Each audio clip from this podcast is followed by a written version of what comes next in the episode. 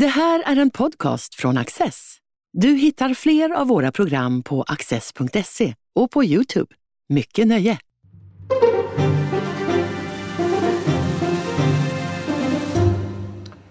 Välkomna till Studio Access. Dagens tema har förstås att göra med kriget i Ukraina vi ska diskutera hur Ryssland har fört detta krig och vilka konsekvenser och slutsatser detta får för svensk del. Och detta ska jag diskutera med Johan Victorin. Du är riskanalytiker, eh, ledamot av Kungliga krigsvetenskapsakademin. Varmt välkommen! Tack så mycket PJ, alltid roligt att vara här. Invasionen skedde tidigt på morgonen den 24 februari men det hade samlats rysk trupp och ackumulerats en stor rysk närvaro längs den ukrainska gränsen eh, under en ganska lång tid dessförinnan. Vad, vad tänkte du under den här perioden? Såg du det komma som man säger nu för tiden? Ja, efterhand kan man väl säga. Om vi tittar på eh, kartan så byggde man ju under hösten och vintern upp en väldigt utdragen gruppering på 150 mil den här vägen runt Ukraina. Och eh, det såg ju till att börja utifrån mitt perspektiv ut att vara en gruppering för så kallad tvångsmakt. Att tvinga sig till, att hota sig till någonting. Och eh, min bedömning inledningsvis var att man kunde göra ett begränsat anfall för att ta Donbassområdet nere i sydost där det finns väldigt mycket jordbruksmark, mineraler och liknande saker och en, en större förutsättning att få stöd i befolkningen. Eh, efterhand som tiden gick så eh, började jag skruva lite grann på den uppfattningen och i mitten av februari eh, att det skulle bli ett större anfall men att man då skulle egentligen gå ner och försöka skära av den ukrainska armén som till sin koncentration faktiskt fanns i det här sydöstra området vid den så kallade kontaktlinjen så de tidigare striderna. Men efter Putins tal på måndagen den 21 februari så var det ju helt klart att det här skulle bli ett anfall på stor bredd.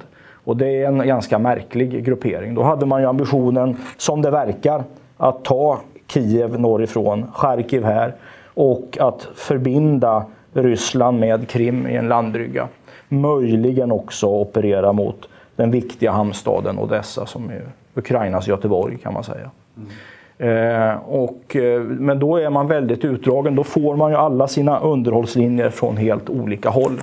Och eh, det tillsammans med en underskattning av det ukrainska motståndet men också hur terräng och väder har varit under den här perioden. Det kan vi komma tillbaka till lite senare. För det har ju spekulerats mycket i att den egentliga planen här var att göra någon sorts snabb attack mot Kiev, eh, lyckas avsätta eh, statsledningen och stoppa in en egen marionett istället. Och att det egentligen var primärt det man ville uppnå. Men, men du tror att det, så var det inte utan man hade större ambitioner än så? Ja, och det matchade ju inte riktigt eh, den utgångsgrupperingen att sprida ut sig på 150 mils bredd på det här sättet. Så här såg det ut 1943 när Sjukov gick till anfall, men då var de tio gånger fler soldater för att ta eh, östra Ukraina kan man säga. Så att det räcker ju inte till eh, och därför har man kört fast. En västerländskt tränad ukrainsk armé, hög försvarsvilja och terräng och väder har gjort att man har kört fast. Man har inte, oms man har inte, man har inte uppnått något militärt mål som man kan omsätta i politik. Alltså det var ju mycket tal om den här långa fordonskolonnen utanför Kiev. Kan du kommentera eh, alltså, den frågan? Lite oklart, det är någon mängd faktorer här. Det verkar som att man har flödat vattnet i de dammar som finns där så att man har så att säga, gjort eh, marken vattensjuk. Det är i grunden inga bra framryckningsvägar. Vi har hur, eh, hur väderförhållandena såg ut när Tjukov opererade under andra världskriget, då hade man en högre rörlighet än vad tyskarna hade. Man höll på att inringa en hel tysk armé in i Ukraina för att man var bättre på att uppträda i leran sen på våren 44 än vad man var eh, på tyska sidan. Men här har det varit tvärtom. Man har alltså varit väldigt bunden till vägarna eh, med sina underhållskolonner och eh, med lastbilar och sånt och man har inte kunnat uppträda speciellt mycket vid sidan av vägarna. Vilket Ukraina då verkar ha gjort i mycket bättre utsträckning med små patruller och sådana saker. Så att eh, man har helt enkelt kört fast i leran eh, och fått svårt att föra fram underhållet. Dålig koordinering också. Man har nog haft svårt att samordna flygunderstöd med attackhelikoptrar och liknande för att hålla rent från ukrainska förband. Ja, alltså en del eh, kommentatorer varnar ju för att man ska bli alltför optimistisk så att säga å Ukrainas vägnar, att man får se ett urval utav utav eh, händelser där eh, ryska förband råkar illa ut och, eller ja, mer eller mindre utplånas. Eh, men du ser verkligen att Ukraina har en stark motståndskraft och att invasionen har kört fast i många avseenden. I många avseenden. Samtidigt så är ju Ukrainas stridskrafter på bristningsgränsen också. De får ju ta i ofantligt mycket för att hålla emot här. Ehm, eh, Zelensky sa igår att vi förbrukar ett, en veckas ammunition på en dag egentligen. Ehm, så att eh, de får slita hårt för, för varje centimeter här egentligen och hålla emot det ryska. För Ryssland har en högre, eh, större eldkraft. Man har alltså mycket artilleripjäser, eh, raketartilleri, robotar som man då lassar in mot både militära mål men tyvärr också civila mål. Mm. Varifrån avfyras, eh, eh, när man läser om raketangrepp, så att säga, hur långt bort är en eh, ifrån avfyras de? Ja, men det är helt olika beroende på vilket vapensystem det är. Raketartilleriet kanske står en 10, 15, 20 kilometer bort och skjuter. Allt, sen kan du ha flygplan som avlossar robotar inifrån Belarus Eh, lufthav så att säga in emot västra Ukraina och liknande saker. Eller du skjuter robotar utifrån fartyg utifrån eh, Svarta havet in mot mål i Ukraina. Så det, det, kan komma och det är ju det som skiljer det moderna kriget från andra världskriget då, att vapnen skjuter betydligt längre. Men en stor mängd av artilleri men även raketer måste föras in i Ukraina och man måste väl fylla på rätt mycket. Ja, det är enorma volymer det handlar det är om. Absolut, en, en raketartilleripjäs kan ju liksom dra av en hel lastbilslast med ammunition själv så att säga under en dag. Så att eh, det går åt och för varje mil som Ryssland tränger in i Ukraina då blir det ju två mil för du måste ju fram med ammunitionen sen ska du bak med en tom lastbil för att hämta mer. Mm. Så att eh, det blir jobbigare och jobbigare och Ukraina har ju då de inre linjerna och så Ryssland är utanpå och det gör ju att allting blir enklare för Ukraina resursmässigt. Du har skrivit någonstans att eh, logistiken den fungerar, alltså att föra fram resurser till stridsplatsen. Men att underhållet, att sen få en omsättning på materialet där inte mm. fungerar. Kan du utveckla det lite? Ja, men Ryssland har ju, man befinner sig nu i ett läge där man har nytta av sin logistiska förmåga i den meningen att man kan då föra stora resurser. Man har stora lager, man har, man har liksom reserver, man har ammunition, man har ett järnvägssystem som opererar i Ryssland och då kan då skifta förband, stora förbandsvolymer från Sibirien in till den här fronten och det fungerar ju rätt så bra. Men sen när man då ska omlasta det här och ta fram sakerna de sista fem milen på stridsfältet inne i Ukraina, då funkar det inte längre. Eh, och en del av det är ju att man har kört det här försöket till snabba framryckning och åkt ifrån sitt eget skydd kan man säga. Och kan inte koordinera det skyddet och det gör att man blir väldigt sårbar i de här transporterna. Så att man ser, ja, finns ett konto som följer de här med bara verifierade fotobevis på utslagna och eh, tillfångatagna så att säga, fordon. Och man är ju uppe i alltså tusen lastbilar snart eh, i det här. Så eh, det är inte, man tittar gärna på den hårda kärnan längst fram men ett militärt system består av så många komponenter och här har Ukraina hittat en väldigt svag punkt. När man talar om att det har kört fast så syftar man ofta på situationen runt de stora städerna i norr, i, i Kiev och i eh, Charkiv. Det verkar väl gå bättre i någon mening då för eh, Ryssland eller sämre för Ukraina i söder. Vad beror det på?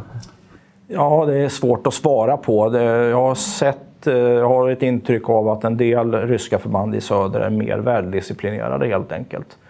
Har en annan, kommer från ett annat militärdistrikt kanske har bättre chefer, eh, hanterar eh, sådana här situationer, sammanstötningar med lokalbefolkningen på ett bättre sätt. De har liksom inte mejat ner folk utan de skjuter kanske i luften och har en annan form av, av disciplin än, än, vad andra enheter helt enkelt har. Att döma av bilderna från Mariupol så skjuts det inte bara i luften utan där har man gått oerhört hårt fram. Nej, nu tänker jag på Cherson och den typen av bilder jag sett därifrån. Ah, okay, ja. eh, I Mariupol absolut och den där är ju en stor eh, en stor kvarnsten för Ryssland här. För här måste man ju öppna den. Det är dels en hamn Eh, och dels så är det då den här landsförbindelsen. Därför att i södra Ukraina så går järnvägarna i, i nord-sydlig riktning. Eh, vilket gör att du kan liksom inte underhålla längs Svarta havskusten. Järnvägarna är inte dragna på det sättet. Och den ryska armén är en järnvägsarmé. Den är liksom uppbyggd på att få fram sitt underhåll och logistik och underhåll längs järnväg för att man kan frakta så stora volymer helt enkelt. Vi ska röra oss ännu längre norrut, nämligen ut ur Ukraina är här och diskutera följderna för Sverige. Men jag har några frågor till och det är att det rapporteras att ganska många höga ryska befäl har dödats under de här striderna. Vad, vad indikerar det för någonting? Ja, det kan ju indikera dels att man eh, har osäkra förbindelser, man har alltså inte en krypterad kommunikation man, eh, man talar på ett, och använder sin utrustning på ett sådant sätt så att man lätt kan bli pejlad och lokaliserad och därmed kan man bli bekämpad med artilleri eh, eller andra vapensystem. Eh, det kan också vara så, de här sakerna kan höra ihop, att man är tvungen att vara väldigt långt fram därför att man har kört fast och man måste fram och liksom få igång eh, alla sina förband under sig för att de står still och inte anfaller. Och, och att det är dåligt med initiativförmågan hos ja, befäl det, på lägre precis, nivå. Ja, precis, exakt så. Man har kört fast, man kan inte ta initiativet i striderna. Man har en helt annan centraliserad mm. ledningskultur. Och det gör då att generalen måste liksom ta sig fram och kanske vara 500 meter bakom frontlinjen eller 200 meter bakom frontlinjen istället för 25 kilometer. Mm. En annan sak är med det ryska flyget mm. som inte verkar ha vad ska vi säga, fått full utväxling på sin numerär jämfört med den ukrainska. Vad, vad beror det på? man har inte den förmågan att uppträda i större flygförband. Jag vet inte om eh, du har hört mig säga det tidigare att jag är inte sådär jätteimponerad av ryskt flygvapen och har inte varit det. Jag brukar ju ta upp det här med att svenska, svenska flygförband som möter ryska flygförband, där kommer vi få ett väldigt stort positivt utfall för svensk räkning. Vi har en helt annan kvalitet i hela systemet. Eh, och de verkar inte kunna, eh, jag tycker det befäster den bilden jag har haft tidigare om att de klarar inte av att samordna den här typen av verksamhet. De klarar inte av att få vapen, eh, flygfotogen, planering av uppdrag, samordning med markstyrkor. De klarar inte av att göra det tillräckligt effektivt. De, eh, enligt eh, Pentagon så flyger de ungefär 300 uppdrag per dag. Eh, nu är det här ett krig i Ukraina, men för att ta ett exempel så när vi hade övningen Orkan i Sverige 1993, då genererade det svenska flygvapnet 6000 uppdrag på en vecka. Nu var det ju lite lätt, alltså enklare så, men det ger liksom en, en bild av effektiviteten i det svenska flygvapnet jämfört med det ryska flygvapnet, som jag fortfarande består skulle jag säga. Har det också att göra med rädsla för det ukrainska luftvärnet? Du, du nämnde Sjukov och andra världskriget och det var, eh, ja, Kursk ligger inte i Ukraina men Nej. ganska nära Ukraina och det var ju stora pansarslag i den här eh, trakten. Eh, nu får man en känsla att det finns en ny asymmetri i, i krigföringen där man kan ha oerhört dyrbar eh, utrustning, flygplan eller stridsvagnar men man möter då betydligt billigare, lättrörligare vapen som pansarvärnsvapen av olika slag och luftvärn. Mm. Så att liksom den, den underlägsna parten är plötsligt eh, mycket bättre rustad än tidigare. Är ja. det på det sättet? Ja, det kan ju vara så. Eh, luftvärn har ju den fördelen att den har ju en annan uthållighet än vad flygsystemen har. Den, luftvärnet finns ju där hela tiden och står skjutklart, eh, har radarstationer igång, kan byta grupperingar och sen så kan man kontrollera en viss luftrum eller ja, i, i, i praktiken kontrollerar man ju då luftrummet. Eh, och det är väl så man kommer ås, det är så man bestrider luftherraväldet genom sina luftvärnssystem och det är intressant då att Storbritannien här nu går i täten och håller på att tillföra ytterligare ett luftvärnssystem till den ukrainska arsenalen, nämligen Starstreak som är ett väldigt avancerat luftvärnssystem och som skjuter ungefär 7 kilometer i höjdled. Så att eh, det kommer eh, man kommer väl så att säga, implicit införa lokala flygförbudszoner när man får in det vapensystemet tillsammans med mina eh, lite mer långräckvidda system också. En sista fråga tror jag i, detta, i denna del och det är ju den här rena vad ska man säga, brutaliteten. Eh, det här med att man mer eller mindre verkar jämna städer med marken. Är det en del av rysk eh, strategi? En del hänvisar till Grozny och, och till flygattackerna i Aleppo som exempel på att och, och, och att nu ser vi någonting liknande i Mariupol och mm. andra städer. Man är väl egentligen, om man ska gå tillbaks lite grann i historien, så är man ju lite både och. Va? Man är antingen eller ska jag säga. Eller både och. Det vill säga att man försöker göra den här snabba kuppen. Mm. Eh, Afghanistan 79, Krim 2014 och så vidare. Men när inte det lyckas då har man liksom inga tveksamheter att använda militärt övervåld eh, och ta bort det som. För man har den fördelen eh, ur en krigföringssynpunkt att man har en mycket större eldkraft än de flesta andra. Och då använder man sig av den styrkan eh, och bryr sig inte riktigt om vad som står. Det är ett sätt att, att bryta stridsviljan. Ja. Både hos de militära förbanden men också i civilbefolkningen. Och befolkningen i Mariupol de har ju en, en fruktansvärd miljö nu där du rör dig som människa med sömnbrist, matbrist. Du kan knappt gå ut på gatan, pumparna är sönderslagna, mycket, det ligger döda lik på backen. Du blir som din egen förälder i kroppen. Eh, alltså du, du tappar energi mm. och mm. hela den här biten. Det är massor med rykten i svang. Eh, om man ska bli undsatt, om det finns korridorer och alla möjliga saker. En fruktansvärt miljö. Och sen allt det här då med elden som, som slår ner här och där på oregelbundna tider. En fruktansvärd belastning. Och det är ju då terroriserar, bryter ju viljan efterhand.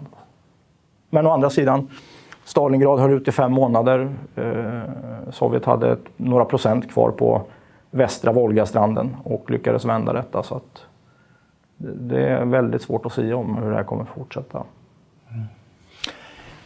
Vi sa att vi skulle tala också om eh, slutsatser, observationer som är av relevans för Sverige, svensk försvarspolitik, svensk eh, säkerhetspolitik. Var, var vill du börja?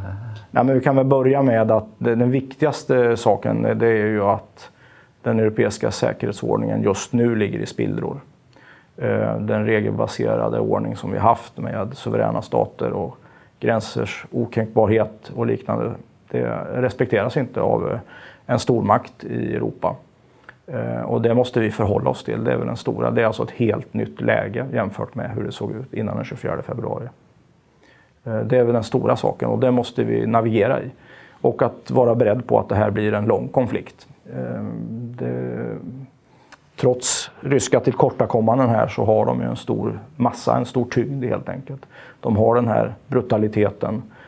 De har en politisk vilja att att eh, uppnå mål. Och historien visar ju att de, de, kan, de är ganska härdiga och har, kan dra åt svångremmen ganska hårt. Så att vi får ställa in oss på att det här kan ta lång tid hur ska vi tänka här? Ska vi tänka i scenarier eller hur ska Sverige på bästa sätt förbereda sig?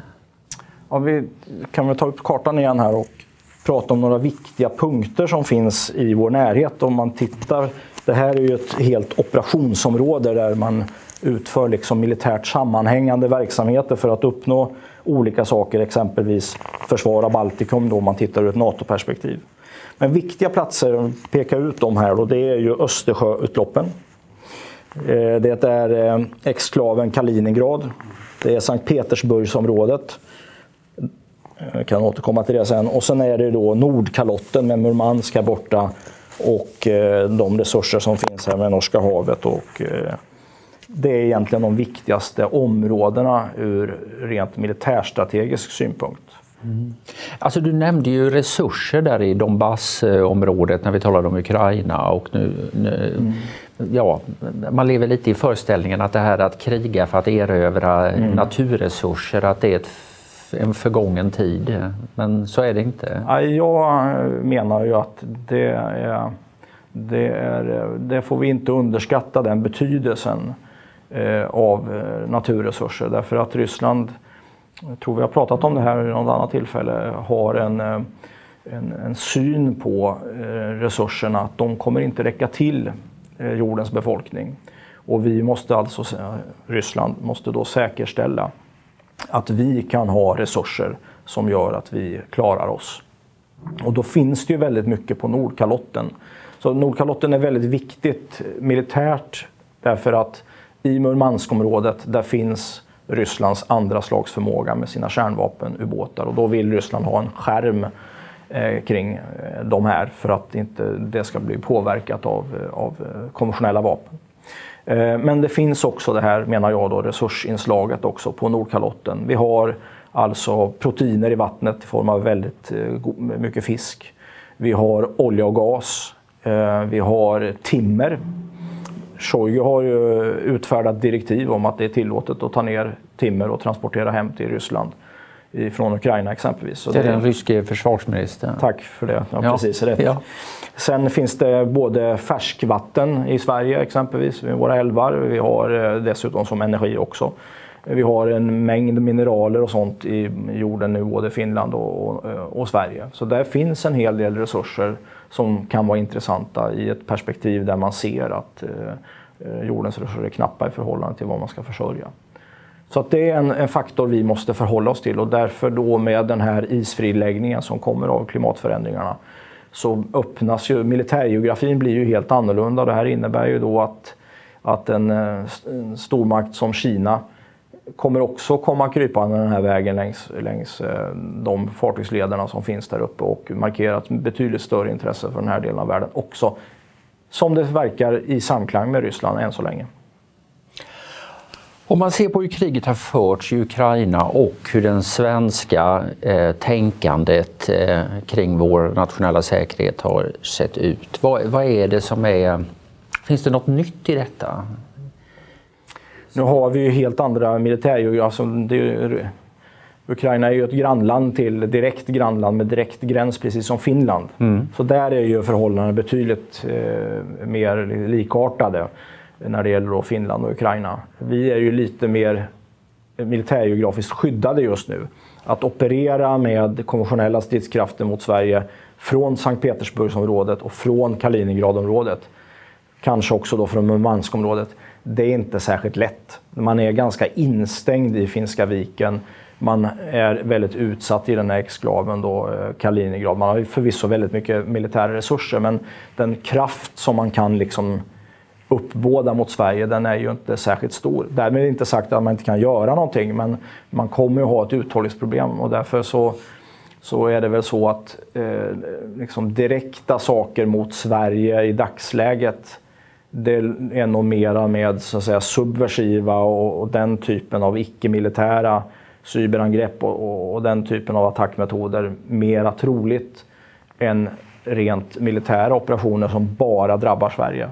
Däremot så har ju försvarsberedningen då pekat ut att det nästan det går inte att se ett scenario där inte Sverige blir indraget i en konflikt som rör de baltiska staterna och eller Finland.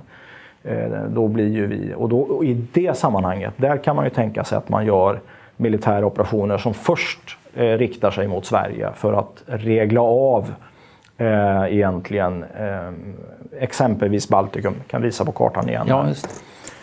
Då har vi ju Gotland, men vi har även Åland som är, har en speciell folkrättslig status och det är ett demilitariserat område.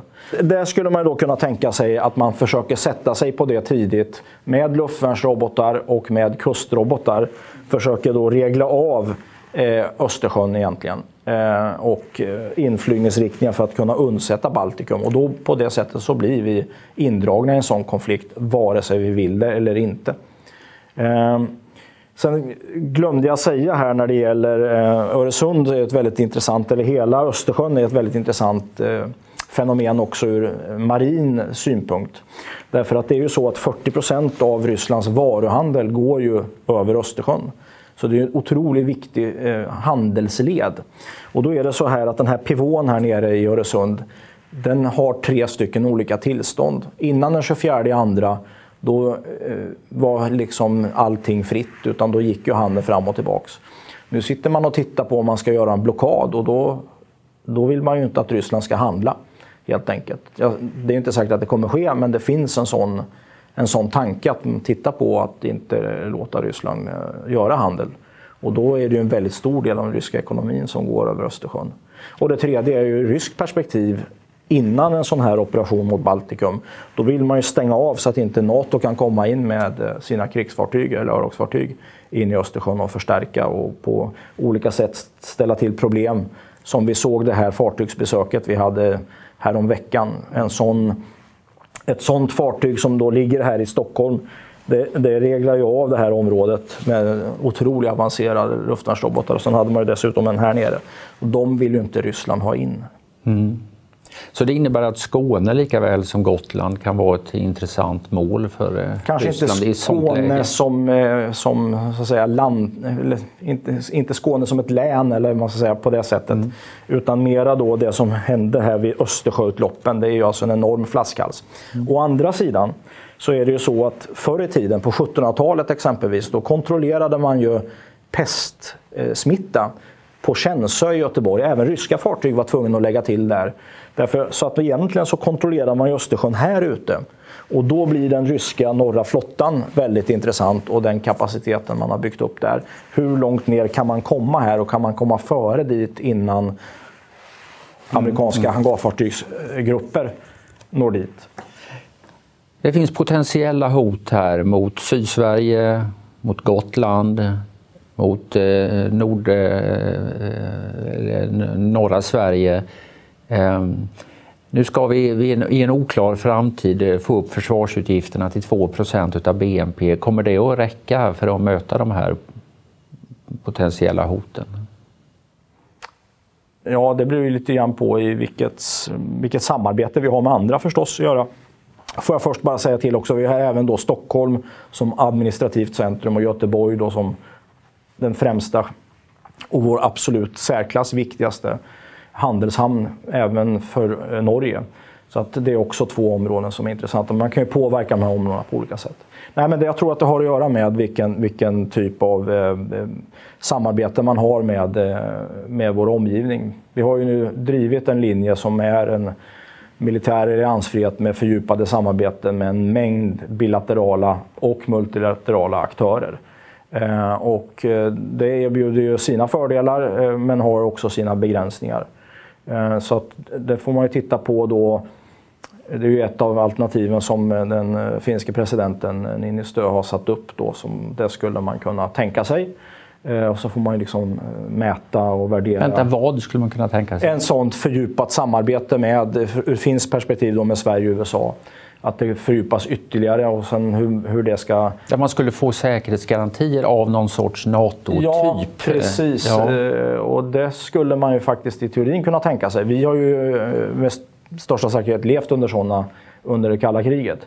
Eh, talar ju allting för att vi har haft eh, både kärnvapenparaply och eh, långt gångna planer med att kunna inskrida här med amerikanska trupper och brittiska trupper i, eh, över Sverige framförallt och luftrummet. Men eh, ehm, det, det, kan man ju tänka sig då. Man har ju den typen av lagar egentligen där kongressen binder upp presidenten att assistera Japan och, och på olika mm. sätt. Um, um, men å andra sidan är ju NATO ett viktigt, ett viktigt instrument för USA och Europa. Så att mm, man har ju redan en lösning här. Så att, nu är amerikanerna ganska pragmatiska så att det är lite svårt att veta vad de vad de, före, de föredrar nog NATO i första hand, att man löser det den vägen. Men hur långt är de då beredda att sträcka ut sig för att eh, tillgodose svenska och finska unika krav så att säga, eller önskemål? Det, det är svårt att säga. Men möjligheten finns, den har fördelar, den har också nackdelar. Ryssland har ju rasslat här och, eh, och varnat att det kommer att ske hemska saker om Sverige och Finland mm. går med i NATO. Vad skulle det kunna bli fråga om? Ja, det är olika typer av eh, påtryckningar med eh, både icke-militära och militära maktmedel. Eh, det går nog inte att utesluta särskilt mycket där faktiskt. Och det beror lite grann på då vilken garanti ställs i så fall upp i en sån process. om det gäller en anslutning till NATO. Vi vet ju att det har varit ett, det, är det högsta så att säga, underrättelsemålet för Ryssland har varit i, ja, sen egentligen kalla kriget och slut. Sverige ska inte med i NATO. Det är liksom en, en målsättning man har och samma sak gäller Finland också. Men nu har man ju ställt sådana långtgående krav på hur vi ska uppträda, det vill säga vi ska inte vi ska reducera, vi ska backa tillbaks till 1991 egentligen. Eh, det är ju det som de här kraven i 17 De här breven som, ja, som kom precis före jul. Ja. ja, som de ställer egentligen. Och där får man nog en sak. Jag, är, eh, jag har då funderat väldigt mycket på att, att det där är ju faktiskt ett sätt att försena vår beslutsfattning. Eh, det är alltså en, en, det ska bli svårare att ta det här beslutet så man liksom trycker kraven ännu längre bort. Än, än vad läget var den Ja, fast omvänt skulle man väl kunna säga att invasionen av Ukraina har ju fått liv i en NATO-diskussion i både Sverige Absolut. och Finland eh, Absolut. som har en helt annan intensitet Absolut. än vad den hade tidigare. Men då jag menar att syftet ja. med det här 17 december-brevet att ställa så långtgående krav och hota med sådana konsekvenser att det är ett sätt att försena vår beslutsfattning, ska påverka vår beslut. Det ska ta, det ska ta längre tid för oss att fatta ett beslut, om ens göra det. Det, det, man får titta på det brevet från, från olika aspekter. Det handlar inte bara om liksom själva kraven i sig utan det har, fyller också en funktion i, i, en, i en krigföring egentligen. Mm. Om vi ska runda av då med en fråga eh, så skulle jag säga så här att nu har vi pratat om hur man ska analysera eh, den ryska krigföringen i Ukraina, vad det får för konsekvenser för oss. Men vad tycker du att man ska göra? Vad är det viktigaste för Sverige nu? Saker som vi råder över själva, som vi bör göra som en direkt konsekvens av vad som har hänt i Ukraina? Ja, för det första är det ju att, eh, att nära koordinera oss med Finland. Vi sitter liksom säkerhetspolitiskt ihop i väldigt stor utsträckning. Det är inte så att vi ska haka upp oss på vad Finland gör och inte gör. Men vi måste ha med det som en väldigt viktig faktor i vårt eget beslutsfattande och det ska vi göra tillsammans med dem. Vi måste kunna ha en sån. Och det tror jag nog att, att statsledningarna av bägge länderna och även så att säga, den politiska oppositionen här i Sverige och oppositionen i Finland klarar av eh, till slut. Även om jag uppfattar att Finland har kommit, har mer, en bättre förankrad process där. Men det är väldigt viktigt. Sen handlar det ju om att stärka då totalförsvaret och här har man ju tagit fart i det militära försvaret. Eh, tyvärr tycker jag inte man har klarat av det riktigt än när det gäller det civila försvaret. Därför det är ju så att det civila försvaret har ju tre viktiga uppgifter. Det första är ju att skydda eh, befolkningens liv och hälsa. Eh, det andra är att se till att samhället kan fungera i så god utsträckning som möjligt när det är krigsfara eller krig. Och det tredje är ju att stödja det militära försvaret så att det kan få full effekt. Och då kan vi ju inte ha ett glapp mellan vad vi satsar på det militära försvaret, där vi är på rätt väg, och det civila försvaret, där vi knappt har börjat, fast det är fyra och ett halvt år sedan eh, försvarsberedningens eh, släppte sin rapport Motståndskraft. Så där har vi, det är en viktig sak. Och sen den tredje saken är väl kanske att fortsätta stödet till Ukraina. Därför att de slåss ju för, för oss Eh, de slåss ju naturligtvis ytterst för sig själva, med så, men en effekt av det de gör är att de även försvarar oss. Och vi måste ge dem alla medel eh, att försvara sig så långt det går.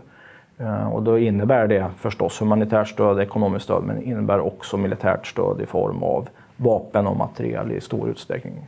Så det får vi nog ställa in oss på att fortsätta och kunna leverera. All right. Johan Victorin, stort tack Tack för att du har varit med. Och stort tack till er för att ni har tittat. Du har just lyssnat på en podcast från Access. Du vet väl att vi också är en tv-kanal och tidning? Teckna en prenumeration idag på access.se.